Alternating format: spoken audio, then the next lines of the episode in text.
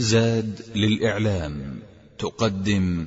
الحمد لله رب العالمين والصلاة والسلام على نبينا محمد وعلى آله وصحبه أجمعين. وبعد فإن قصص القرآن آي عظيم فيه عبر وعظات. وقد قال النبي صلى الله عليه وسلم إن قل هو الله أحد تعدل ثلث القرآن وذلك لأن القرآن قد اشتمل على التوحيد وهذا ثلث. وعلى الأحكام وهذا ثلث وعلى القصص وهذه ثلث.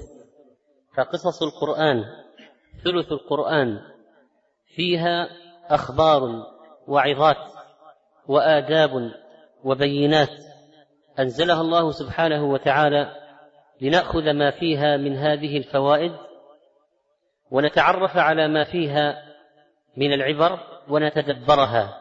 لقد كان في قصصهم عبرة لأولي الألباب ما كان حديثا يفترى. وفي هذه المقدمة لقصص القرآن الكريم نستعرض على وجه الإجمال بعض ما في هذه الآيات آيات القرآن من القصص العظيمة. فنجد فيها قصة خلق آدم عليه السلام وأن الله سبحانه وتعالى أوحى بذلك إلى الملائكة. وكانت الملائكة قد رأت ما يفعل الجن في الأرض من سفك الدماء والإفساد فظنت الملائكة أن الإنس من ذرية آدم سيعملون مثل عمل الجن. ولكن أخبرهم الله سبحانه وتعالى أن الأمر ليس كذلك وظهر علم آدم على علم الملائكة بما علمه الله. ونرى فيها كذلك مكانة آدم عليه السلام عند ربه عندما أسجد له ملائكته. ونرى كذلك كيف أنه لما أسكن الأبوين في الجنة وكان الإسكان إلى أمد وليس خلدا فيها وإنما سكنا مؤقتا. والكيد الذي كاد به إبليس آدم حتى أخرجه وزوجه من الجنة. وكذلك نجد فيها قصة موسى عليه السلام عندما أنجاه الله وبني إسرائيل من آل فرعون الذين ساموهم سوء العذاب وكيف نجاهم من كيد فرعون؟ والوعد الذي وعد الله به موسى عندما وعده ثلاثين ليلة ثم زاده عشرا فتم ميقات ربه تم أربعين ليلة وكان موسى قد ذهب إلى جبل الطور قبل الميقات وجعل يتعبد هناك وفي ذلك درس في إعداد النفس للقاء العظيم.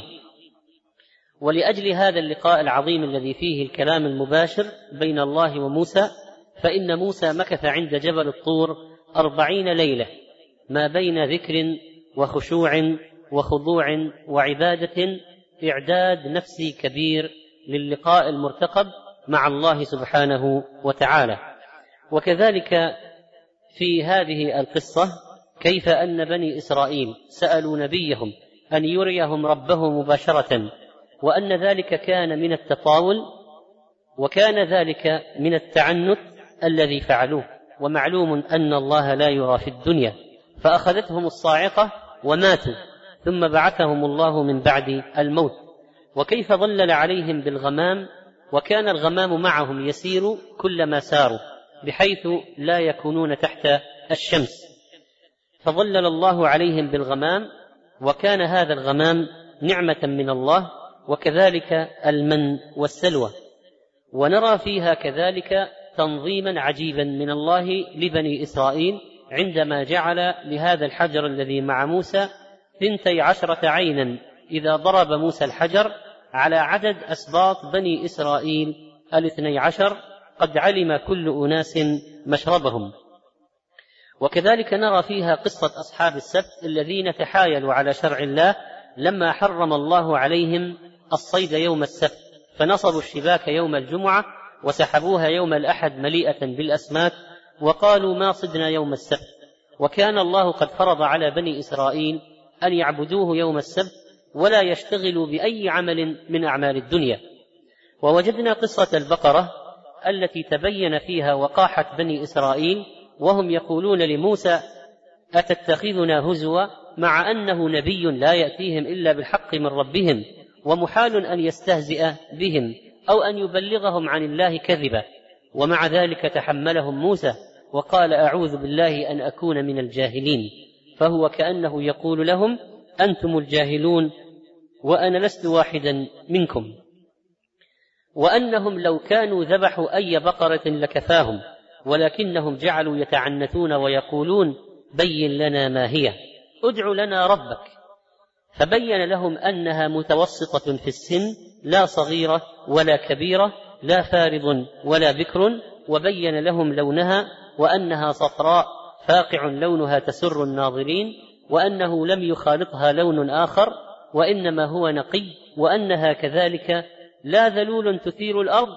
ولا تسقي الحرث بل هي نفيسة عند أهلها لا يستخدمونها في السقي ولا في حراثة الأرض كما تستخدم البقر في الخدمة. وأنها لا عيب فيها فذبحوها وما كادوا يفعلون وكيف أحيا الله القتيل بضربه ببعض البقرة ولا يهم أن نعرف ما هو هذا البعض. وكذلك فإنه قد ذكر لنا في هذه القصة قدرته على إحياء الموتى وأن هذه هذا البعض من البقرة لما ضرب به القتيل حي بإذن الله فأخبر عن قاتله. وكذلك نرى في هذه السورة أيضا القصة التي ذكرها الله لنا عن الملكين اللذين أرسلهما فتنة للناس وأنهما يعلمان الناس السحر ويقولان إنه فتنة لا تكفر وهذا ابتلاء أن يوجد عند القوم. علم بشيء ثم يقال لهم لا تعملوا به إنما نحن فتنة فلا تكفر لكن هؤلاء استخدموه فيما يغضب الله عز وجل يفرقون به بين المرء وزوجه. وهذه الشياطين التي جعلت تقرأ على الناس بعد موت سليمان أشياء من الكفر زعموا أن سليمان قد تركها وأنها من تركة سليمان وما كفر سليمان ولكن الشياطين كفروا. والشياطين تريد اضلال الناس باي طريقه. ولم يكونوا يقدرون على امور في عهد سليمان لكن لما توفي سليمان عليه السلام قدروا على اشياء كثيره. وكذلك نرى في قصص القران الكريم قصه إبراهيم. لما ابتلاه الله بكلمات فاتمهن خمسا في الراس وخمسا في الجسد. ومن ذلك المضمضه والاستنشاق والختان وقص الشارب وإعفاء اللحية وغسل البراجم وأطراف ما بين الأصابع وعقد الأصابع. عقد الأصابع عقد الأصابع وما بين الأصابع ومجامع الأوساخ والعرق. وكان ذلك من مما نفذه إبراهيم واختتن وهو ابن ثمانين سنة وهذا دليل على طاعته لربه ولذلك جعله الله إماما لما صبر على ما ابتلاه الله به ونفذ أمر الله سبحانه وتعالى. وكيف بنى البيت؟ وأن هذا البيت تهفو أفئدة الناس إليه ويشتاقون ولا يشبعون وكلما ذهبوا ورجعوا اشتاقوا مرة أخرى. كما قال تعالى وإذ جعلنا البيت مثابة للناس يثوبون إليه لا يرجعون إلا ويشتاقون. جعل الله أفئدة الناس تنجذب إليه وتهفو إليه ولا تشبع منه. مهما أتته وتكررت عليه فإنهم لا يزالون يأتونه. وكيف دعا إبراهيم أن يجعل الله البلد آمنا ويرزق أهله من الثمرات؟ ولما جاء إبراهيم لتفقد إسماعيل وهاجر وسأل زوجة إسماعيل بعد ذلك عن طعامهم قالت اللحم والماء. قال اللهم بارك لهم في اللحم والماء. قال في الحديث فلا يخلو أحد فلا يخلو عليهما أحد بمكة يعني لا يكتفي بالماء واللحم فيضرانه. وقد يضران في غير مكة اللحم والماء. إلا في مكة لا يضرانه. من أكل اللحم والماء لأن نبي الله إبراهيم دعا بالبركة في ذلك. وكيف أعطانا درسا في عدم العجب بالعمل؟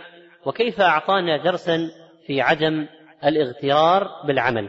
لأنه فعل ما فعل وبنى البيت وأتم الكلمات ومع ذلك قال ربنا تقبل منا إنك أنت السميع العليم. وكذلك قصة إبراهيم لما وصى بنيه ويعقوب كذلك عند الموت وفيه اهتمام الأب بأبنائه وخصوصا عند الموت يستودعهم الحكمة وفصل الخطاب ويستودعهم التوحيد ويستودعهم الوصية بدين الله وطاعة الله فلا تموتن إلا وأنتم مسلمون. ما تعبدون من بعدي إنه التوحيد الذي ورثه في عقبه عليه السلام. وكذلك نرى في قصص القرآن الكريم كيف أن الله سبحانه وتعالى ذكر لنا أيضا قصة طالوت وكيف أن الله سبحانه وتعالى جعله ملكا على بني إسرائيل بعدما كانوا في ذل وهزيمة وأن الله آتاه بسطة في العلم وبسطة في الجسم وهذه من صفات القائد.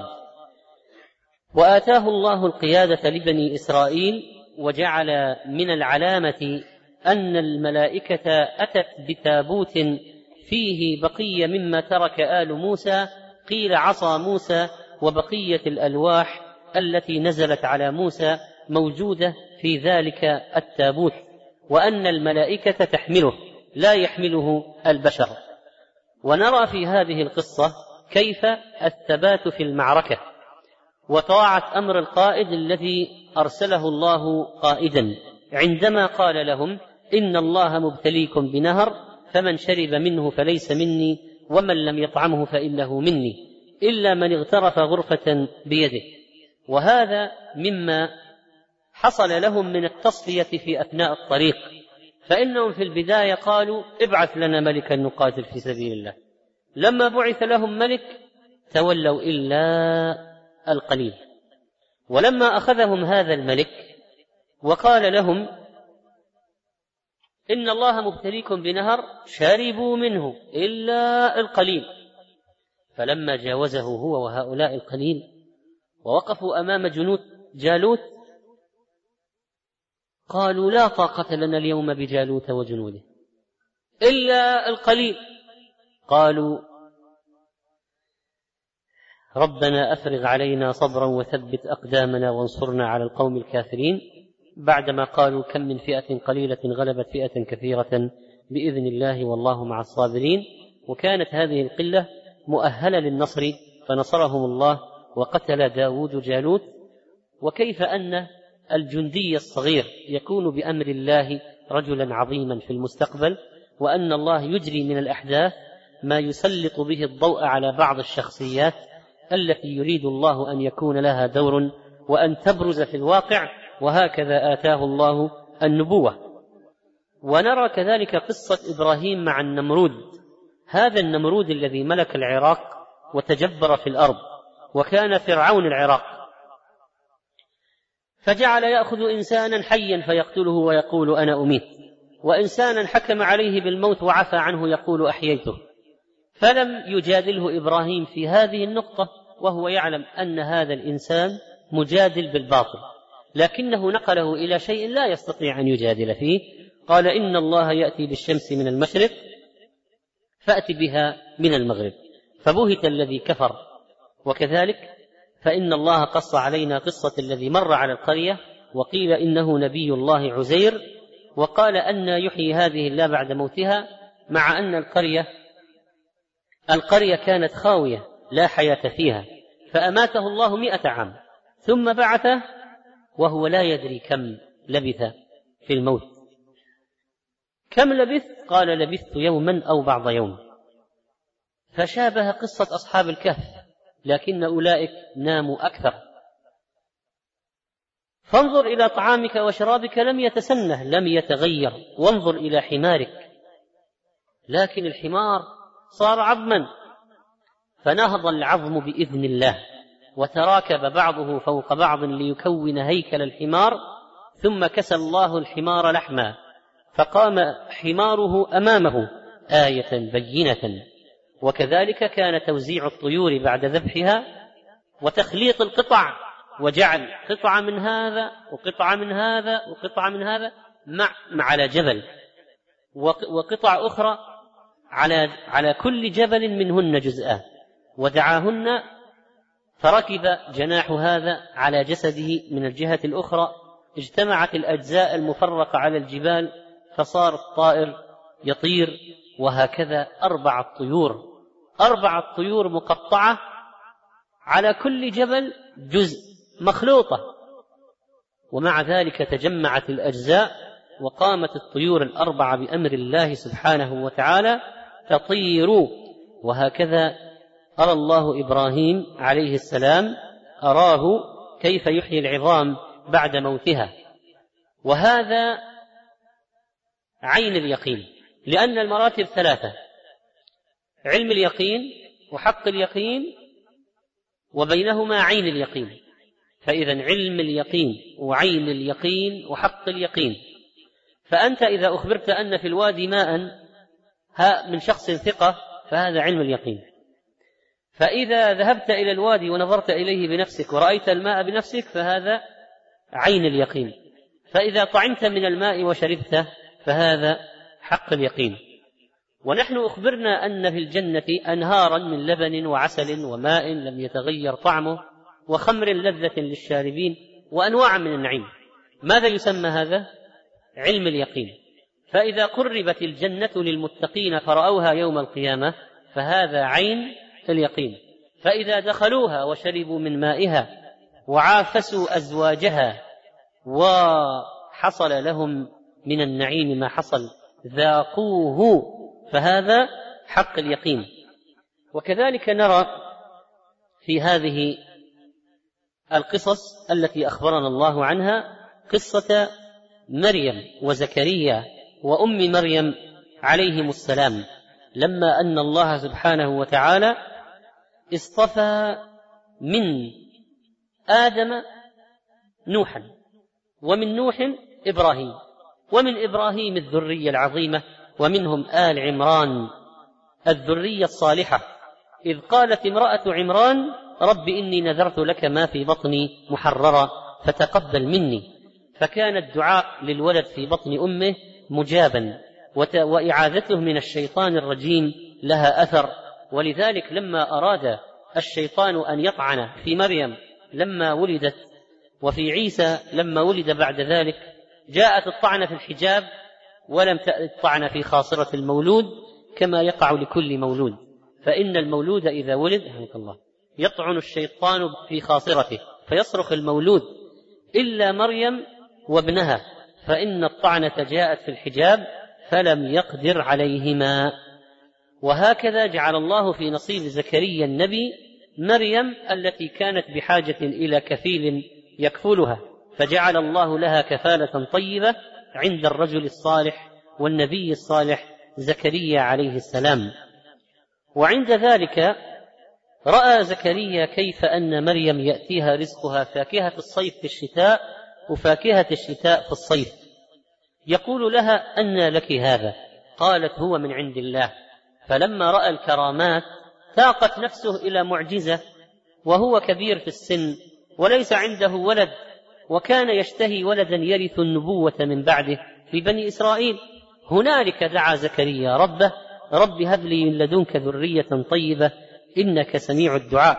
وحصل فعلا بشر بيحيى أول مخلوق أول بشر في العالم اسمه يحيى هو يحيى بن زكريا. ما سبق سمي أحد في العالم من قبل بيحيى اطلاقا؟ لم نجعل له من قبل سمية. كان على كبر من السن وزوجة زكريا عاقر لا تلد عقيم فأصلح الله رحمها فحملت فولدت. يحيى نبيا مع أبيه يحيى ابن زكريا عليهم السلام. وكذلك فإن الله سبحانه وتعالى قص علينا كيف رزق مريم الكفيل الصالح. فإن بني إسرائيل تنافسوا عليها. أيهم يكفل مريم؟ وألقوا الأقلام يعني ضربوا القرعة. لكي يعرف من الذي ستخرج له القرعة؟ فخرجت وما كنت لديهم إذ يلقون أقلامهم. أيهم يكفل مريم؟ وما كنت لديهم إذ يختصمون. فخرجت القرعة على من؟ زكريا. فكفل مريم فكفل مريم فوفق الله لهذه المرأة العفيفة الصالحة رجلا نبيا كريما صالحا تكون في كفالته. وتنشأ عنده وتعيش في كنفه. وهكذا وفق الله لمريم بحسن عبادتها وحسن نيتها رجلا صالحا تأوي إليه. وكذلك وجدنا من قصص القرآن العظيمة التي قصها الله سبحانه وتعالى علينا في كتابه العزيز قصة نبي الله عيسى عليه السلام أيضا عندما طلب منه تلاميذه وحواريوه مائدة تنزل عليهم من السماء. وهذه المائدة طعام عليها طعام لأن المائدة لا تسمى مائدة الطاولة لا تسمى مائدة إلا إذا كان عليها طعام. أما إذا لم يكن عليها طعام فلا تسمى مائدة. وعيسى ذكرهم بالله وأمرهم أن يتقوا الله وأنهم إذا كذبوا ستكون مصيبة. لأنها جاءت بناء على طلبهم أي هذه المائدة. بناء على طلبهم هذه المائدة. ولكنهم أصروا على أن يطلبوا هذا الطلب فآتاهم الله سبحانه وتعالى هذه المائدة وكان في إنزالها عيد. كان فيه عيد لهم يذكرون نعمة ربهم عليهم. وكانت هذه المائدة نازلة من السماء بأمر الله سبحانه وتعالى. وأيضا فإن المائدة هذه تدخل في قضية حق اليقين الذي تحدثنا عنه لأنهم لما طلبوها وأخبرهم أنها ستأتيهم كان هذا علم اليقين. فلما نزلت من السماء رأوها صارت عين اليقين. فلما أكلوا منها صارت حق اليقين. قالوا نريد أن نأكل منها. وتطمئن قلوبنا ونعلم أن قد صدقتنا ونكون عليها من الشاهدين. ورأينا كذلك في قصص القرآن نبأ ابني آدم لما جعل الله سبحانه وتعالى القربان ومن تقرب إليه أنزل نارا من السماء فتأكل قربانه إذا قبله. كان القبول يعرف أن الله قبل قربان فلان إذا نزلت نار من السماء وأكلته. وإذا لم يقبله الله لا تنزل نار من السماء فتأكله. فحصل أن قربان أحدهما تقبل لصلاح نيته وقربان الآخر القربان كل ما يتقرب به إلى الله. وقربان الآخر لم يتقبل. فحسد أحدهما الآخر لماذا قبل الله منه قربانه ولم يقبل قربانه؟ فقتله. فأصبح من الخاسرين النادمين. وكانت تلك أول جريمة قتل في البشرية ولذلك فعلى ابن آدم الأول وزر من كل عملية قتل تحدث في الأرض إلى يوم القيامة. ومن نعم الله أن الله علم ابن آدم هذا الدفن فإنهم لم يكونوا يعرفون الدفن. فجاء الغراب يبحث في الأرض ليريه كيف يواري سوءة أخيه كيف يدفنه الآن. كيف يدفنه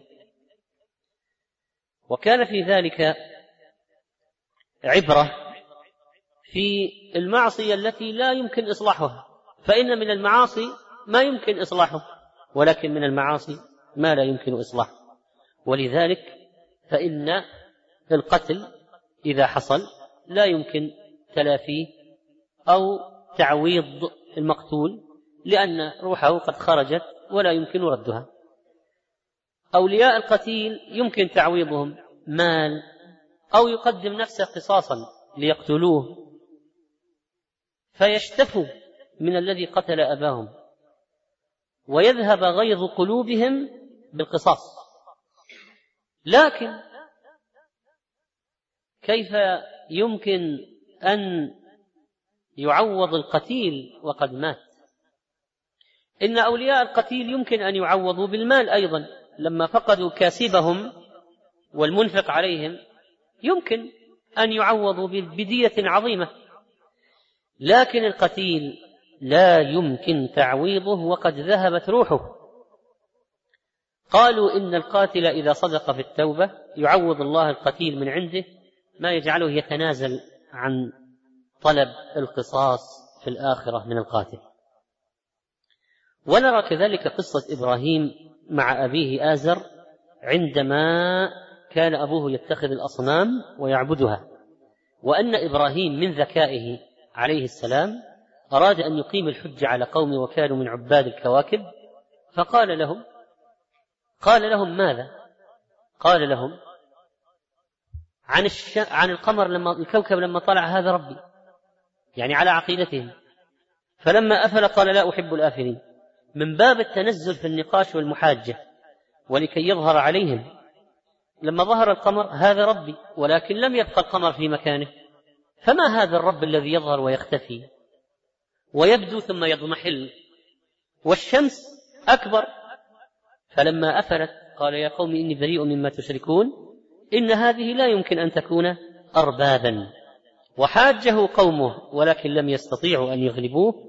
لأن الله آتى إبراهيم الحجة وتلك حجتنا آتيناها إبراهيم على قومه.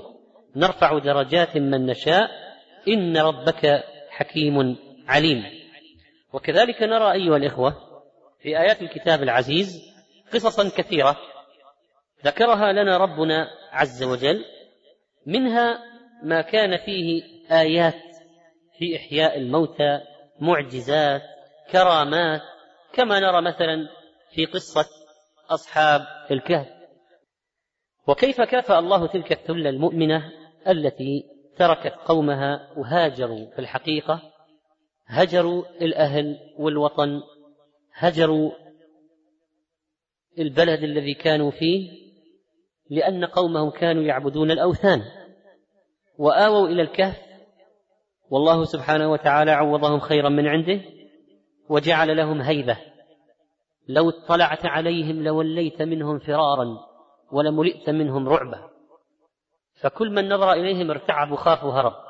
فلا يستطيع أحد أن يمسهم بسوء. ناموا وأعينهم مفتوحة ويقلبهم ذات اليمين وذات الشمال. لكن ما طال الشعر ولا الأظافر. بقيت كما هي.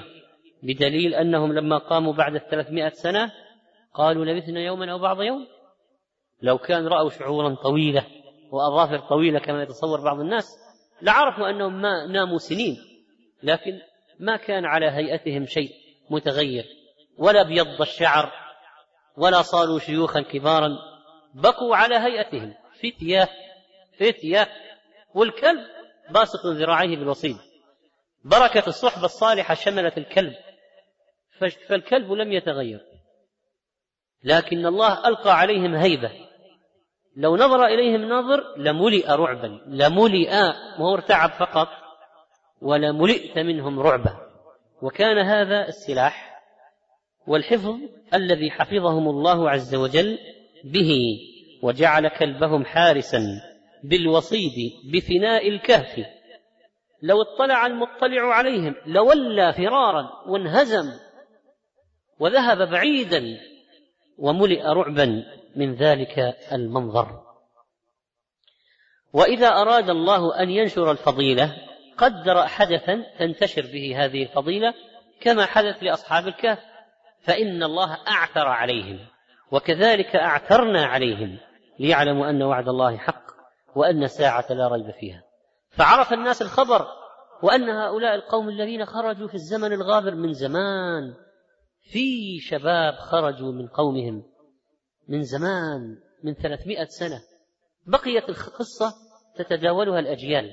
حتى صار الجيل الذي استيقظ أهل الكهف من نومهم وخرجوا للناس وأعثر الله عليهم عرفوا أن هؤلاء الذين خرجوا من زمان وبقيت قصتهم في الأجيال. حتى يعرف الناس أن الساعة لا ريب فيها وأن الله يبعث من في القبور. هذه آيات الكهف التي إذا حفظها الإنسان وقرأها على الدجال حفظ منه. فكما أن الدجال فيه عجب من العجب فأهل الكهف أيضا فيهم عجب. فكأنه يقول إذا رأيتم الدجال وفيه العجائب فلا يغرنكم فإنني قد جعلت من العجب في خلقي في قصة أصحاب الكهف ما إن قرأتموه على الدجال من خدعتم به؟ وهذا الدجال أفحج هذا الدجال شعره كأغصان الشجرة أجعد متراكب بعضه فوق بعض منفوش قصير ضخم يركب حمارا فهو عجيب وحماره ودابته عجيبة وهو مكتوب بين عينيه كافر يقرأها الأمي والكاتب وهو هجان أقمر وهو ممسوح إحدى العينين والأخرى معيبة أيضا كأنها كوكب دري يلمع لكن غير طبيعي. الناظر إليه يعرف أن في عينه شيئا والأخرى ممسوحة. وهكذا أخبرنا النبي صلى الله عليه وسلم عن هيئته ووصفه لئلا ينخدع به أحد. وقص الله علينا أيضا في القصص كيف لقي موسى عليه السلام العبد الصالح الخضر وكيف ذهب معه طاف في تلك الجولة في السفينة وقتل الغلام ودخول القرية ورأى موسى العجائب لكنه لم يصبر وكان في طبعه شدة عليه السلام ولو أنه صبر لقص الله علينا من العجائب الأخرى الكثيرة مما علمه للخضر عليه السلام. وكذلك قص الله علينا قصة ذي القرنين وهو أحد الملوك الأربعة الذين ملكوا الأرض ملكان كافران وملكان مسلمان. سليمان عليه السلام إنه ملك نبي وأيضا ذو القرنين فإنه طوف الأرض مشرقا ومغربا وهو الذي جاهد في سبيل الله ففتح الله سبحانه عليه ما فتح. وأيضا فإننا رأينا كيف أنه علم أمة جاهلة لا تعرف صنعة ولا تستطيع أن تحمي نفسها كيف تصنع السبيك العظيم من الحديد الملبس بالنحاس؟ آتوني أفرغ عليه قطع فجمعوا قطع الحديد وجعلوها بعضها فوق بعض ثم أوقدوا النار حتى انصهرت في سبيكة واحدة ثم صبوا عليها النحاس المذاب قطرا. وهكذا كانت هذه السبيكة. لا يمكن اختراقها فما استطاعوا أن يظهروه وما استطاعوا له نقبا. لا أن يتسلقوا عليه ولا أن يخرقوه. وهكذا جعل الله السد بين ذي القرنين والخروج إلى الناس محصورون لم يكن لهم منفذ إلا مخرج بين جبلين وهو الذي سده ذو القرنين فبقي يأجوج ومأجوج محبوسون خلف السد لا يخرجون إلا عندما يشاء الله سبحانه وتعالى. لقد قص الله علينا قصة صاحب الجنتين لنأخذ منها العبرة كيف أن الإنسان إذا آتاه الله الخير لا بد أن يتصدق ولا يغتر. وقص علينا أيضا قصة سيل العرم. لما كفر سبأ أهل سبأ بنعم الله أرسل الله عليهم سيل العرم وهكذا تلفت زروعهم. وبدلهم الله بدلا منها بأثل وخمط وشيء من سدر قليل. ذلك جزيناهم بما كفروا. قص الله علينا قصة أصحاب الفيل وكيف أهلكهم. لأجل إيلاف قريش لائتلافهم واجتماعهم فهاتان سورتان تتعلقان ببعضهما البعض وكيف هزمت النصرانية بقيادة أبرهة في مكة عندما أرسل الله الطير الأبابيل الجماعات الجماعات ترميهم بحجارة من طين متحجر لكل واحد منهم نصيب فجعلوا يتساقطون ويتساقط بعضهم وتسقط أعضاؤهم حتى مات بعضهم في مكة ومات بعضهم في الطريق ومات بعضهم عندما رجعوا. وأهلك الله أبرهة. وكذلك رأينا في القصص التي قص الله علينا في كتابه العزيز قصة امرأتي نوح امرأتي نوح ولوط في مقابل قصة مريم وامرأة فرعون المؤمنتين. وضربتا مثلا ضرب الله سبحانه وتعالى لنا مثلا بامرأة فرعون كيف ممكن تكون امرأة عند ملك معززة مكرمة وقصر مشيد وأموال طائلة وخدم وحشم ومع ذلك ترفض هذا كله وتضحي به في سبيل الله حتى أن فرعون قتلها. ولكنها كانت صامدة اختارت الجار قبل الدار فقالت رب ابن لي عندك بيتا ولم تقل بيتا عندك وإنما عندك بيتا. فاختارت الجار قبل الدار لتكون في جوار الله سبحانه وتعالى. وسنبدأ إن شاء الله في الدرس القادم ببعض القصص مفصلة بإذن الله عز وجل.